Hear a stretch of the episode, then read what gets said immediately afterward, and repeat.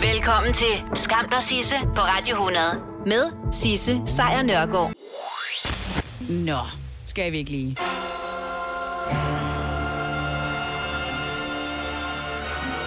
For så er den gal i Venstre igen, og endnu en gang er det Christian Jensen, som den er gal med. Igen! For ligesom han jo var startskud til begyndelsen af enden for Lykkes ære i partiet, så er han det åbenbart også for sig selv. I sidste uge der var Christian Jensen, altså den tidligere næstformand, der var han ude at vifte med nogle sådan ret basic idéer i Jyllandsposten. Så noget om øh, at arbejde med nogle økonomiske reformer hen over midten. Og paradoxalt nok så lignede det faktisk meget det, som han kritiserede Lars Lykke for sidste forår. Men lad nu det ligge. For Venstre er uanset om de kalder sig liberale, ikke et sted, hvor man må sige det, man går og tænker. I hvert fald ikke uden lige har fået lov af chefen, som jo de her dage er Jakob Ellemann Jensen. Han skal lige sige god for det først. Nå, altså, ja, det, det skal man.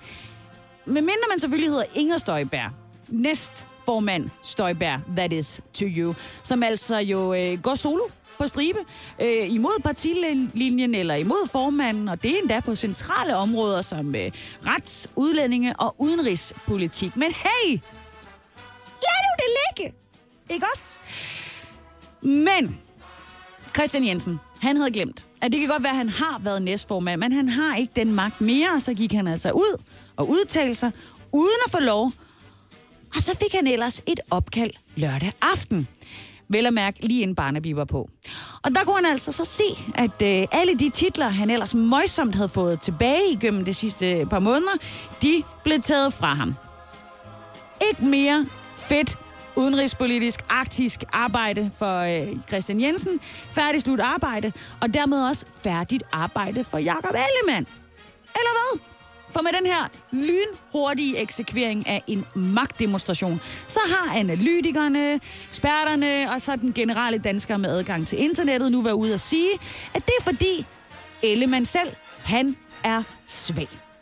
Han har mistet taget med Venstre. Eller har han nogensinde haft det? Var han bare en smilende fyr, som troede, at alle elskede ham? Men nu ser han, at de bare gerne vil videre i deres politiske karriere, og han skulle til at vise, at han havde nogle politiske muskler at spille med, og de kunne bruge det for at komme videre.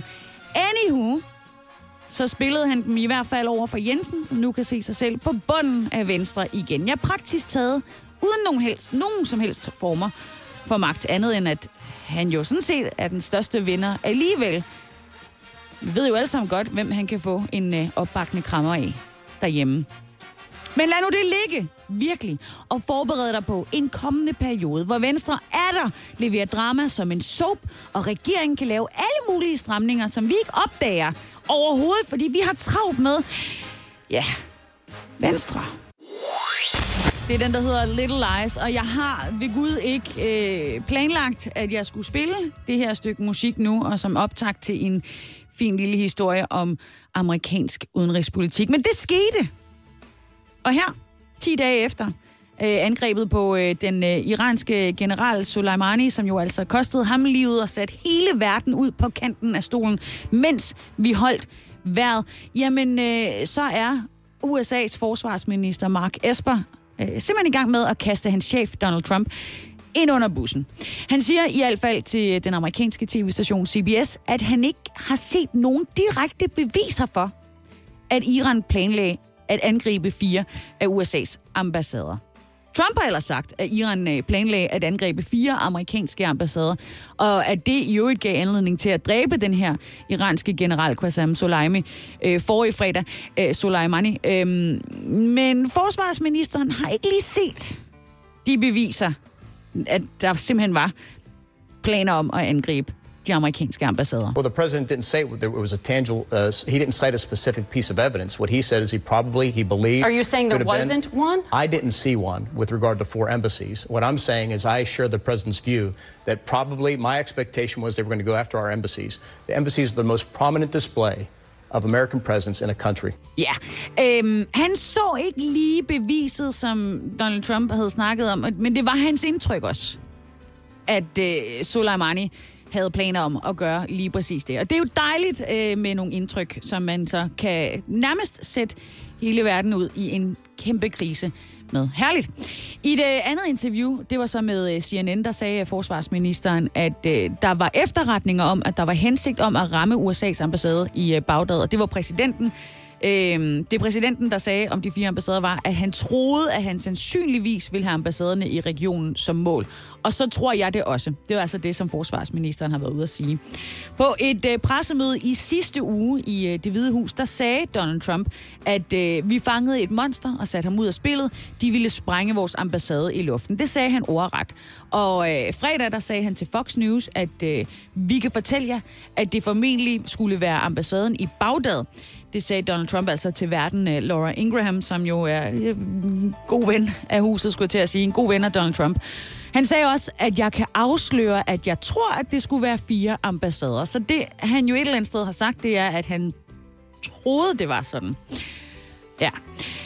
Donald Trump har været ude og påstå, at der var meget god grund til at dræbe Soleimani. Øhm, og Trump påstår også, at han har mange liv på samvittigheden. Øh, det er noget, Trumps kritikere selvfølgelig sætter spørgsmålstegn ved. Det skal de. Han blev dræbt under alle omstændigheder, kan man sige. Det gjorde han den 3. januar af et øh, missil fra en amerikansk drone, og det gjorde han lige uden for den øh, irakiske hovedstad Bagdad. Og det har altså fået øh, både øh, Irak og øh, især Iran, kan man sige, til at stille spørgsmålstegn med, om der skal være så mange danske, øh, i øvrigt, men nok mest amerikanske soldater i området. Det handler stadigvæk om Iran og øh, det, der sker i de her dage. De, der tør, og som selvfølgelig er utilfredse, de trodser styret i Iran i de her dage, og det gør de i tusindvis. Det er ikke alle, og det er ikke alt for mange, men der er alligevel tusindvis af demonstranter på gaden i, øh, i byer over hele Iran, og det er de for at udtrykke deres vrede over det iranske præstestyre og måden, som det ligesom håndterer landet på. Men der er nogen, der er gået et skridt videre end at demonstrere. Ja, faktisk så har de ja, taget et skridt helt vejen ud af landet. Det er øh, for eksempel Irans eneste kvindelige medaljevinder ved et OL. Hun hedder Kimia, og hun har øh, i protest mod styret forladt Iran og har været ude at sige, at hun aldrig har tænkt sig at vende tilbage. Det er i hvert fald det, hun skriver på øh, det sociale medie Instagram. Hun øh, begrunder sin øh, afsked med Iran med, at hun ikke ønsker at være en del af et samfund, som er præget af, og nu citerer jeg, hyggeleri, løgn, uretfærdighed og smier. Hun skriver, jeg er en af millioner af undertrykte kvinder i Iran, som de, altså styret, har leget med i årvis. Hun er 21 år. Hun er taekwondo-kæmper, øh, og ved OL i Rio de Janeiro i 2016, der vandt hun øh, bronze. Det gjorde hun i det, der hedder 57 kilos klassen. Hun har ikke oplyst, hvor hun nu befinder sig, men øh, i sidste uge, der var der i Iran øh, medierapporter om, at hun trænede i Holland. Og, øh, og det er formentlig også der, hun har tænkt sig at blive. Hun skriver også i øh, det her opslag, at hun øh, klædte sig på den måde, de bad om, og hun gentog alt, hvad de beordrede. Hver sætning, de forlangte, gentog jeg. Ingen af os øh, betyder noget for dem. Vi er bare fjolser. Og så tilføjede hun også, at selvom regeringen ville øh, udnytte hendes sportslige succes politisk, jamen så ydmygede politikerne hende med bemærkninger i stil som, at det ikke er dydigt for en kvinde at strække sine ben. Ja, så gider man jo ikke rigtig gøre noget for Iran mere. Det kan man jo sådan set godt forstå.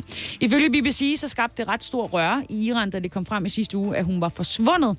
Og øh, en af de iranske politikere øh, var ude og beskylde udulige politikere og embedsfolk for at øh, forlade øh, Irans menneske, eller for at lade øh, Irans øh, menneskelige kapital flygte. Altså simpelthen øh, give en mulighed for at kunne forlade Iran. At hun skulle nærmest hellere have været i fængsel derhjemme, indtil hun kunne komme ud og vinde flere medaljer. Så, ja. Hun håber at kunne deltage igen til OL. Øh, faktisk nærmere bestemt her til sommer, når det kommer til at ske i øh, Tokyo. Men hun kommer ikke til at gå ud under iransk flag. Og det er jo så, kan man jo ret godt regne ud, den største fuckfinger bagud det her. Så jeg håber, hun øh, klarer den, og jeg håber, hun klarer den ekstra godt til OL til sommer. Der gik lige omegnen af fem minutter efter, at Oscar-nomineringerne var landet, før det her hashtag Oscars So White genopblomstrede på, øh, på nettet, og kritikken havlede ned over akademiet. Ikke de nominerede bevares, men det, at, stort set, øh, at det stort set kun er hvide skuespillere, som har fået øh, den store prestige, det jo er, at blive nomineret. Det er til trods for, at farvede skuespillere øh, både blev nomineret og vandt Golden Globes i øh, størstilen i, øh, i sidste uge. Der er en farvet skuespiller i år. Det er hende, der hedder Cynthia Erivo, og hun blev nomineret for hendes rolle som Harriet Tubman i filmen Harriet. Men øh, ellers så er det altså de hvide, det hvide hav, om man vil, der kommer til at svømme ind over Hollywood her i, øh, i februar. Der var ellers mange, der havde øh, regnet med, at stjerner som øh, Aquafina fra filmen The Farewell ville øh, blive nomineret, eller Jennifer Lopez i Hustlers. Der var Eddie Murphy i uh, Dolomite Is My Name. Uh, Lupita Nyong i, uh, i den ret vilde film, der udkom sidste sommer, også uh, kunne være nomineret. Eller Jamie Foxx i uh, Just Mercy. Der var ikke nogen af dem, der blev nomineret overhovedet. Der er selvfølgelig den sydkoreanske film Parasite, som er blevet nomineret til hele seks Oscars. Og det er også uh, første gang, at den sydkoreanske film går så er meget amok i Oscar-uddelingen. Men ellers så er det altså et vidt show. Og det er det, der bliver diskuteret online, hvor, øh, hvor det her hashtag Oscars So White altså er blevet øh, samlet op igen og, og kører. En, øh, en ret anerkendt feministisk forfatter, der hedder Roxane Gay, hun øh, tweetede i øvrigt også om, hvor bemærkelsesværdigt det er, at kvinder og, øh, og farvede kvinder generelt bliver udladt af årets nomineringer. Hun skrev, øh, hvert år er Oscar-nomineringerne er hot mess, altså en, en, en kedel, om man vil. Men det her år er det et ekstra hot mess, fordi at overse, og så nævner hun en masse øh, kvinder, der gebærder sig rigtig godt i film, øh, er fuldstændig åndssvagt. Så Akademiet overhovedet nogle af de her film i år? Det kan man jo godt spørge sig selv om. For andet år i træk, så er der for eksempel heller ikke en kvindelig instruktør, der er nomineret øh, som årets instruktør. Til trods for, at nogle af de store filmhits i år har været instrueret af kvinder. Man skulle ellers tro, at øh, Oscar-akademiet har lært det der sidste års fejl, hvor de blev hånet i den grad for lige præcis at begå den her fejl. Men nej, åbenbart ikke. For eksempel instruktøren Greta Gerwig, som både er instruktør, skuespiller og øh, manusforfatter, det hele. Hun er for eksempel ikke blevet nomineret for filmen Little Women, på trods af, at filmen ellers bedre i nomineringer. Altså seks andre nomineringer. Blandt andet bedste film og øh, skuespiller og i førende og, og birolle. Det er alligevel sådan ret godt belæg for, at filmen er god. Men hun er åbenbart ikke god, til trods for, det er hende, der har instrueret den. Da det blev fortalt, hvem der var nomineret, så kunne øh, skuespillerinden Issa Rae, som altså var med til at fortælle det, heller ikke helt dyser. And Parasite, Bong Joon-ho. Nice. I did it. I did, it. did it. Thank you so much. did it. Congratulations to those men. Ja, yeah. congratulations to those men. Natten til den 10. februar, der ser vi, hvilken mand, der gjorde det bedre end alle de andre mænd. Og kvinderne selvfølgelig også, når der er Oscar-uddeling. I går der fik Prince Harry og øh, hans kone, hertuginden af Sussex, de fik altså lov til at trække sig fra øh, det royale rampelys, om man vil, og det gjorde de af dronning Elisabeth. De to, de vil jo rigtig gerne på sigt blive økonomisk uafhængige af kongehuset. Og det lyder fedt, men det er måske ret svært at gå fra at have sin gang i Buckingham Palace til at få sig et job på Burger King, eller sådan kommer det selvfølgelig ikke til at gå, men til at blive en arbejdende eksprins og hertuginde. Normally, you cannot be a working royal and earn a living. The only possible precedent for that was about a decade ago when Prince Edward and Sophie tried to set up their own firms, but ultimately there were lots of conflicts of interest and it all ended in tears. Ja, det kommer ikke til at gå godt, det sagde den britiske finansekspert David McClure, som var med i øh, 21'eren på, øh, på DR i aftes. Og i dag der får de to penge, altså øh, Meghan og Harry. Øh, men det er det, de gerne vil væk fra, fordi de får dem jo sådan set ikke. De får jo nogle penge for at være til rådighed hele tiden i England. Så fremover, så vil de helst ikke være til rådighed, og så klare pengene selv. Og de har allerede en opsparing at trække på fra Megans øh, skuespilkarriere. Der er noget arv og som sagt noget opsparing. Og der gættes på i de britiske medier, at de har omkring 10-15 millioner pund. Det er et sted mellem 90 og 130 millioner kroner. Det er sådan en okay måde at, at starte op på, om man vil. Der kan man godt ligesom få en god salvandsindsprøjtning for den. De har også taget øh, patent på ordene Sussex Royals, så de jo i teorien kan sætte det på alt fra øh, t-sæt til plakater til svætter og, og leve af det. Men men det er så ikke en særlig god stil, og det kan faktisk endda føre til yderligere splittelse i kongehuset. Det sagde altså David McClure, McClure finanseksperten også. There will be conflicts of interest with the palace. There will be accusations of cashing in using the royal brand. And it'll be extremely difficult to disentangle these two roles. Ja, så hvad de altså ender med at kaste sig over, om den står på skuespil igen for Meghan, eller om øh, Harry skal til at sælge postkort med sit eget billede på, det ved vi ikke. Men vi ved, at de vil væk. Og når man ser på mediernes måde at omtale dem på, eller som de har, i hvert fald er blevet omtalt på de sidste par år, så forstår jeg det meget bedre. Gør dig klar til episke film med et episk tilbud. Nu for en tidsbegrænset periode får du Disney Plus for kun 19 kroner per måned i 3 måneder. Tilbuddet gælder til og med 14. marts for standard med reklamer. Tilmeld dig nu for kun 19 kroner per måned i 3 måneder. Disney Plus. Mere end du forventer. Tilbuddet gælder for kunder uden et aktivt abonnement. 18 plus. Fornyes automatisk til 49 kroner per måned. Vilkår gælder. Hvis jeg nu siger lønssikring, så siger du nok, det er da en god idé. Og hvis jeg så siger, at Frie A-kasse og fagforening giver dig en gratis lønssikring på 3.000 kroner oven i dagpengene som en fast medlemsfordel, hvad siger du så? Selv tak. Se tilbud og vilkår på frie.dk. Har du for meget at se til? Eller sagt ja til for meget? Føler du, at du er for blød? Eller er tonen for hård?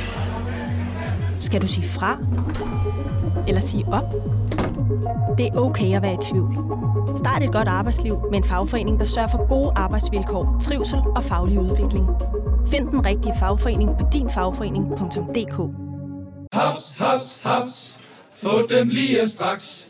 Hele påsken før, imens billetter til max 99. Haps, haps, haps.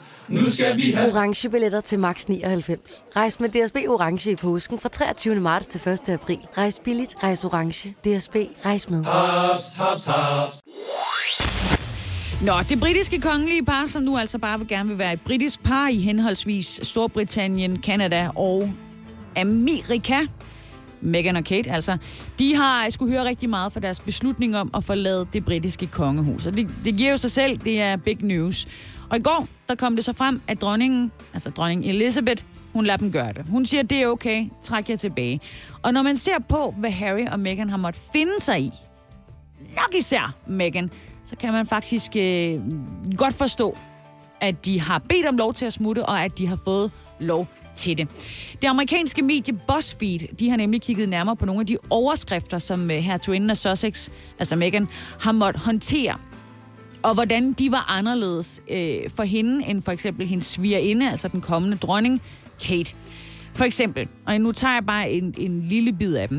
Øh, avisen Daily Mail, de havde en overskrift, da Kate var gravid, hvor de roser, hvordan hun ømt holder på sin mave af kærlighed. Altså, I ved, den der, hvor man lige lader hænderne hvile på den store mave og ser helt salig ud.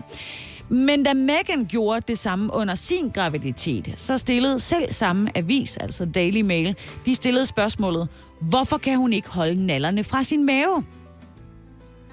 Altså to fuldstændig identiske måder at, at, at være gravid på, men to vidt forskellige måder at reagere på for en avis.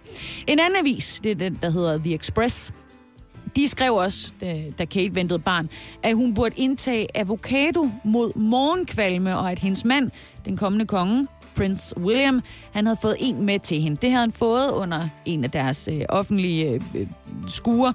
Så var der en lille dreng, der var kommet op med en lille avocado med en sløjfe omkring og givet den til ham, og så havde han sagt, jeg vil prøve at give den til Kate, og så se, hvad der sker. Øh, da Meghan ventede barn, så stod det så i selv samme avis, nemlig Express, at øh, trods de overhovedet ikke engang anede, om Megan spiste avocadoer, at hun spiste mad, som var kædet sammen med undertrykkelse og klimaforandringer. Altså hvis Megan vidderligt spiste avocadoer. Ja, så. I The Sun, en meget omtalt britisk avis, der blev William og Kate hyldet for at smide den såkaldte stiff upper lip, altså den her lidt britiske overklasse snobbede måde at være kongelige på. Det blev de hyldet for dejligt at se, I, ligesom os.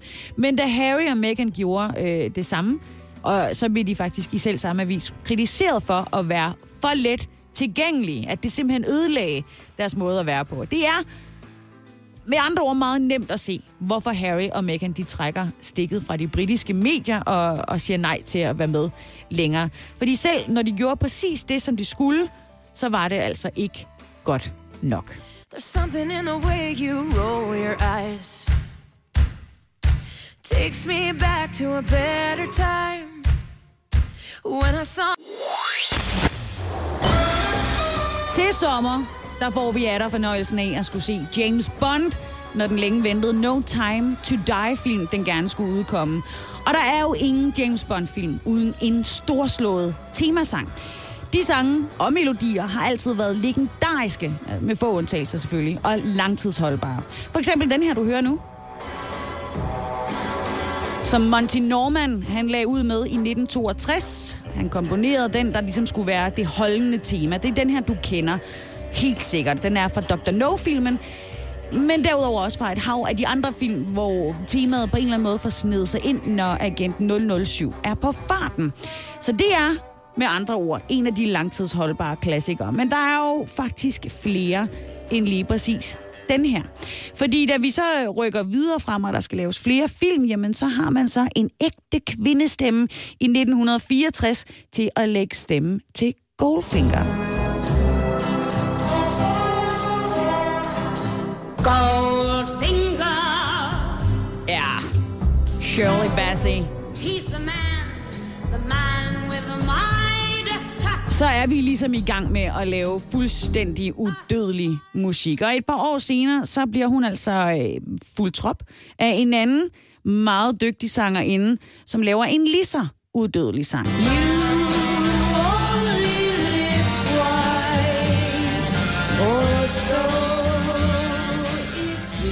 Ja, Nancy Sinatra, som der jo lagde stemme til filmen You Only Live Twice. Men det var som om, at øh, Shirley Bassey ikke havde tænkt sig at slippe James Bond-universet og tog sig over igen i 1971, da hun lagde stemmen til... Diamonds are forever.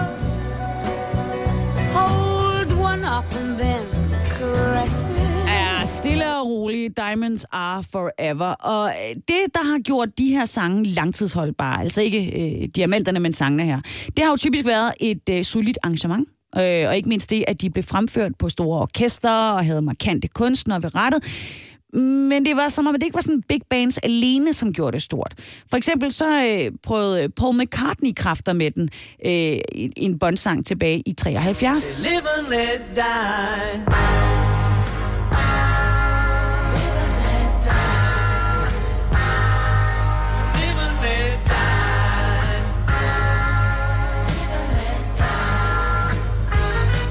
Ja, Live and Let Die fra 73. Jeg hørte den øh, live med Paul McCartney på Roskilde for et par år siden, og den er stadigvæk maløs. Men der er altså mange, der har været ind over øh, Bond temaet, om man vil. Øh, Tom Jones, Garbage, Duran Duran, Aha, og selvfølgelig uh, Tina Turner. Hold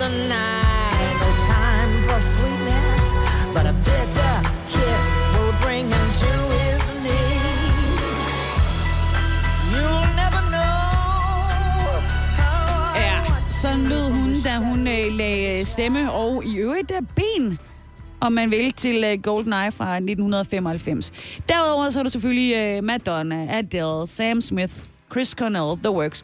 Og nu skal der så sættes endnu en perle i kæden af Bond-sange. Det bliver simpelthen den yngste kunstner nogensinde, som leverer i år. Sangen bliver nemlig skrevet og sunget af ingen ringer end den 18-årige verdensstjerne Billie Eilish.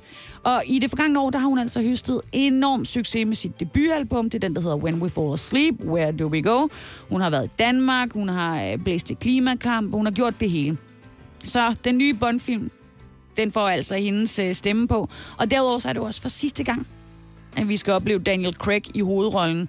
Øh, den er blandt andet blevet indspillet i Norge, hvor det norske filminstitut har givet 47 millioner norske kroner i statsstøtte. Det svarer altså lige til 36 millioner kroner. Så den kommer til at blive lavet i flotte omgivelser og altså med flot musik. No Time to Die for dansk premiere herhjemme den 2. april. I, øh, i år, der skal der jo som bekendt være præsidentvalg i USA. Nogen skal stille op imod Donald Trump, og da der ikke umiddelbart er en demokratisk præsidentkandidat, jamen så skal demokraterne ligesom inden for de kommende par måneder udpege den kandidat, som de mener kan banke Trump af præsidentembedet. Det skal jo ske til november. Der er primærvalg i alle stater, men de foregår ikke nødvendigvis på samme tid. Øh, I hver eneste stat så kæmper kandidaterne dog om et antal delegeret. Og for at vinde nomineringen til at kunne blive præsidentkandidat, så skal en kandidat score mere end halvdelen af de delegerede. Målet er, at man skal have omkring ja, 2.000, lige øh, under. Øhm, så i nat, der var der debat. Og det skal der jo være. Der var øh, igen debat mellem de sidste kandidater for demokraterne. Der var seks styks på scenen. Fire mænd og to kvinder. To af dem er venner nemlig Bernie Sanders og Elizabeth Warren. Men en samtale, som de to havde øh, haft for nogle år tilbage, blev til en øh, ret alvorlig del af debatten, fordi kan en kvinde slå Donald Trump? Senator Sanders. CNN reported yesterday that, and Senator Sanders, Senator Warren confirmed in a statement that in 2018 you told her that you did not believe that a woman could win the election. Why did you say that? Well, as a matter of fact, I didn't say it. Uh, and I don't want to waste a whole lot of time on this because this is what Donald Trump and maybe some of the media want. Uh, anybody knows me knows that it's incomprehensible that I would think that a woman could not be president of the United States. Go to YouTube today. There's a video of, the, of me 30 years ago talking about how a woman could become president of the United States. Hillary Clinton won the popular vote by 3 million votes. How could anybody in a million years not believe that a woman could become president of the United States? And let me be very clear. If any of the women on this stage or any of the men on this stage win the nomination, I hope that's not the case. I hope it's me. but if they do, I will do everything in my power to make sure that they are elected in order to defeat the most dangerous president in the history of our country. So, Senator Sanders, Senator Sanders, I do want to be clear here. You're saying that you never told Senator Warren that a woman could not win the election. That is correct. Ja, bemærk lige det sidste svar. Han sagde øh, i det, han siger, at øh, han kommer, altså han har ikke sagt, at en kvinde ikke kunne blive præsident. Og øh, hele svaret i øvrigt var en lang øh, fortælling om, at det kunne kvinder sagtens. Hvem vil ikke tro det? Mm, vi vender tilbage til øh, debatten i nat, hvor CNN's moderator så, hun hedder Abby Phillips, uh, by the way, hun så vendte sig om efter den her lange forklaring fra Bernie Sanders, og så vendte hun sig om imod Elizabeth Warren. Senator Warren, what did you think when Senator Sanders told you a woman could not win the election? I disagreed. Bernie is my friend, and I am not here to try to fight with Bernie. But look, this question about whether or not a woman can be president has been raised, and it's time for us to attack it head on. Um, and I think the best way to talk about who can win is by looking at people's winning record. So, can a woman beat Donald Trump? Look at the men on this stage. Collectively, they have lost 10 elections. The only people on this stage who have won every single election that they've been in are the women. Amy So and true. me. Ja, og på den måde, så kunne de godt være uvenner, uden at være uvenner. Og øh, det bliver hammerende spændende, hvem det er, der får lov til at tage den hele vejen til tops. Lige nu, der ligger de meget tæt. Øh, det er Joe Biden og Bernie Sanders, der ligger meget tæt. Og så bliver de altså fuldt skarpt efter af Elizabeth Warren. Den 3. februar, der er det det første primære afvalg, og så kommer der en masse øh, valg dernedad, indtil der er Super Tuesday den 3. marts, så er der valg i mange stater. Og hvis nomineringen på det her tidspunkt ikke allerede er afgjort, så bliver det sådan, at den 17. marts, der bliver det så afgjort via et valg i Florida eller og øh, Illinois. Så øh, den tid, uh, det er drama. Så altså, de debatterer i USA i de her dage, om en kvinde kan slå Donald Trump. Eller bare, om en kvinde kan blive præsident generelt. Men øh, på Australiens Curtin University, der har de faktisk forsket i, om kvinder kan slå klima, klimakrisen. Og øh, vurderingen er, at øh, hvis man går rundt og er bekymret for global opvarmning, så skal man til at vælge en kvinde til at lede landet. Fordi de er de mest ambitiøse på det område. Den her undersøgelse, som er udkommet her i, øh, i går, bag den der står en, øh, en kvinde, en økonomiprofessor, som hedder Ashgik Mavisakailian. Jeg beklager øh, ufattelig meget min udtale af det navn, men det er et meget svært navn. Hun er økonomiprofessor, og hun har sammen med en kollega undersøgt lovgivningen i 91 lande. De sammenlignede procentdelen af sæder, som kvinder besidder i parlamentet, øh, mod strengheden i et hvert lands klimapolitik. Og de fandt ud af, at jo flere kvinder der var, jo strengere var klimalov og klimapolitik. Altså jo mere hårdt gående og mere progressiv var de altså inden for klimapolitik. Og forskerne siger, at det altså ikke kun er i de lande, der vælger flere kvinder, øh, som så tilfældigvis også støtter mere øh, miljøbeskyttelse i forvejen. I deres analyse så overvejer de faktisk alle de her faktorer. Og øh, blandt andet øh, landets BNP per indbygger, altså hvor uddannede folk er, uddannelsesniveauer, og så den overordnede politiske orientering. Og de fandt ud af, at ingen af disse andre faktorer fuldt ud kunne forklare forbindelsen mellem kvindelig ledelse og en iskold klimapolitik. Altså, at der blev braget derud af. De siger også, at der skal forskes mere på området for bedre at kunne forstå forbindelsen, men baseret på den data, de havde, så mente de altså, at de sagtens kunne sige, at klimakampagner, de kan lykkes flere steder, hvis altså der er kvinder bag roret. Så kan en kvinde slå Donald Trump? Who knows? Det finder vi ud af en gang forhåbentlig, og måske slet ikke. Men kan kvinder slå klimakrisen? Formentlig! Og det er jo trods alt den, der er mest presserende. Eller er den? Jeg, jeg, kan ikke, jeg kan ikke mere. Det hele er lort. Så sæt en kvinde bag roret. Så har vi jo faktisk talt om det længe, men i går aftes der blev det endegyldigt. Demokraterne de har fået deres vilje, og en rigsretssag mod den amerikanske præsident Donald Trump er altså blevet vedtaget. Nu går de i gang med den. Det er 28 dage siden, at øh, repræsentanternes hus de stemte for at indlede en rigsretssag mod øh, Donald Trump. Og hvis man måler det op i præsidentens tweets, som altså har indeholdt ordet impeachment, så svarer det i hvert fald øh, her for et par timer siden til øh, at være cirka 86.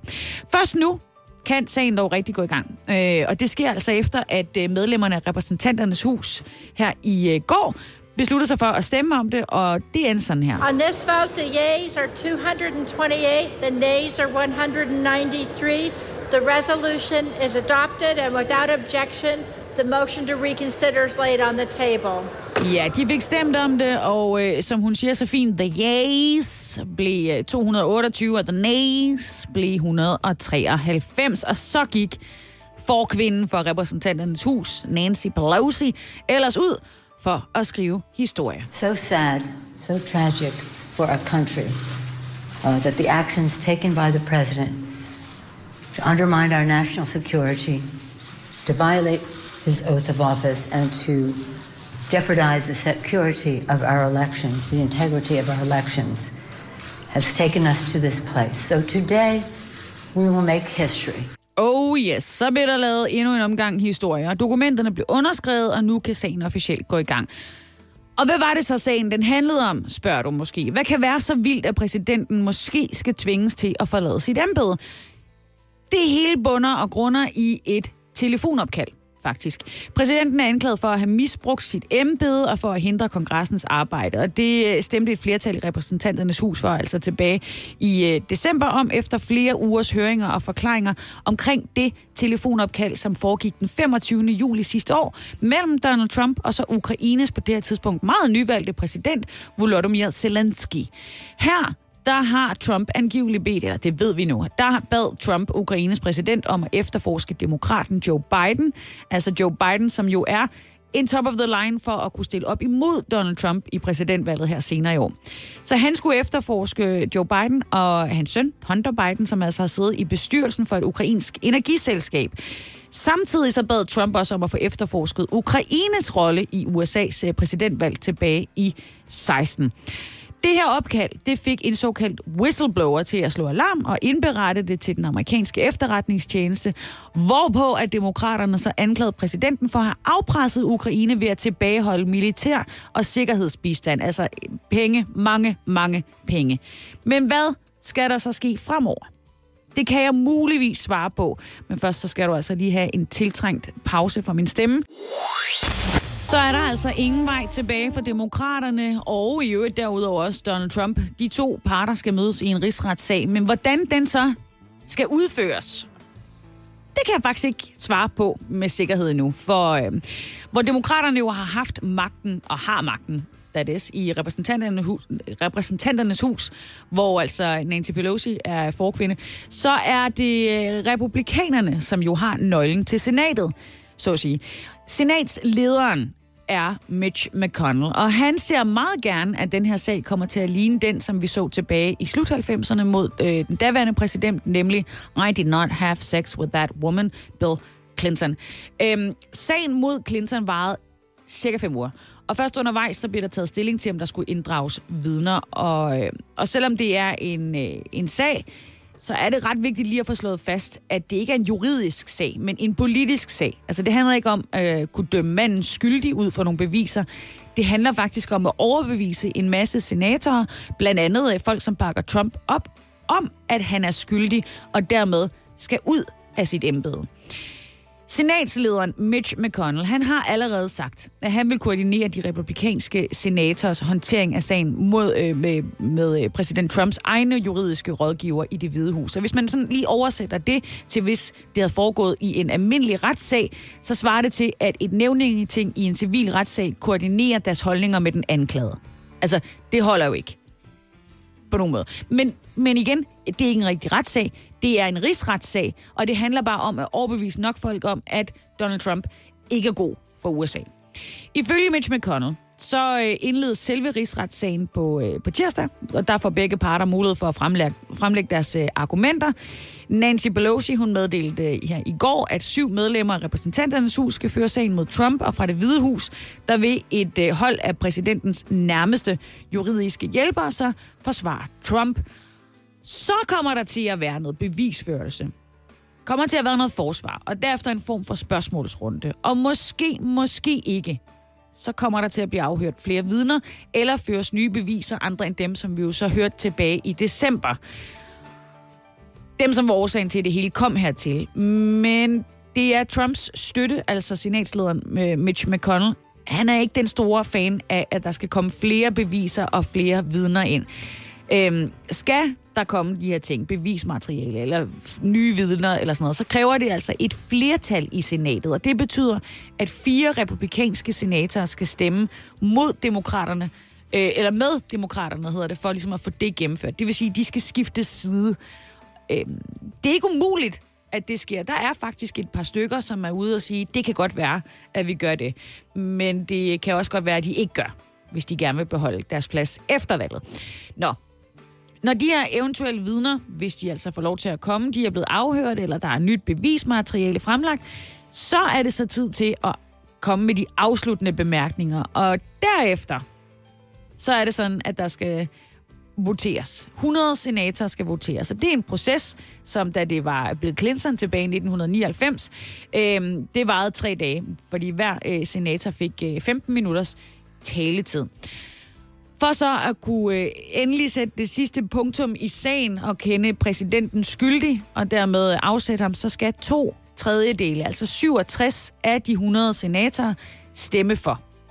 Og øh, for at øh, det skal lade sig gøre, så er der faktisk 20 republikanere, som skal stemme imod deres egen præsident. Så det er øh, vakkelvognt, og det bliver øh, sindssygt spændende, og det begynder formentlig på tirsdag. Skam dig, Sisse, på Radio 100. Med Sisse Sejr Nørgaard.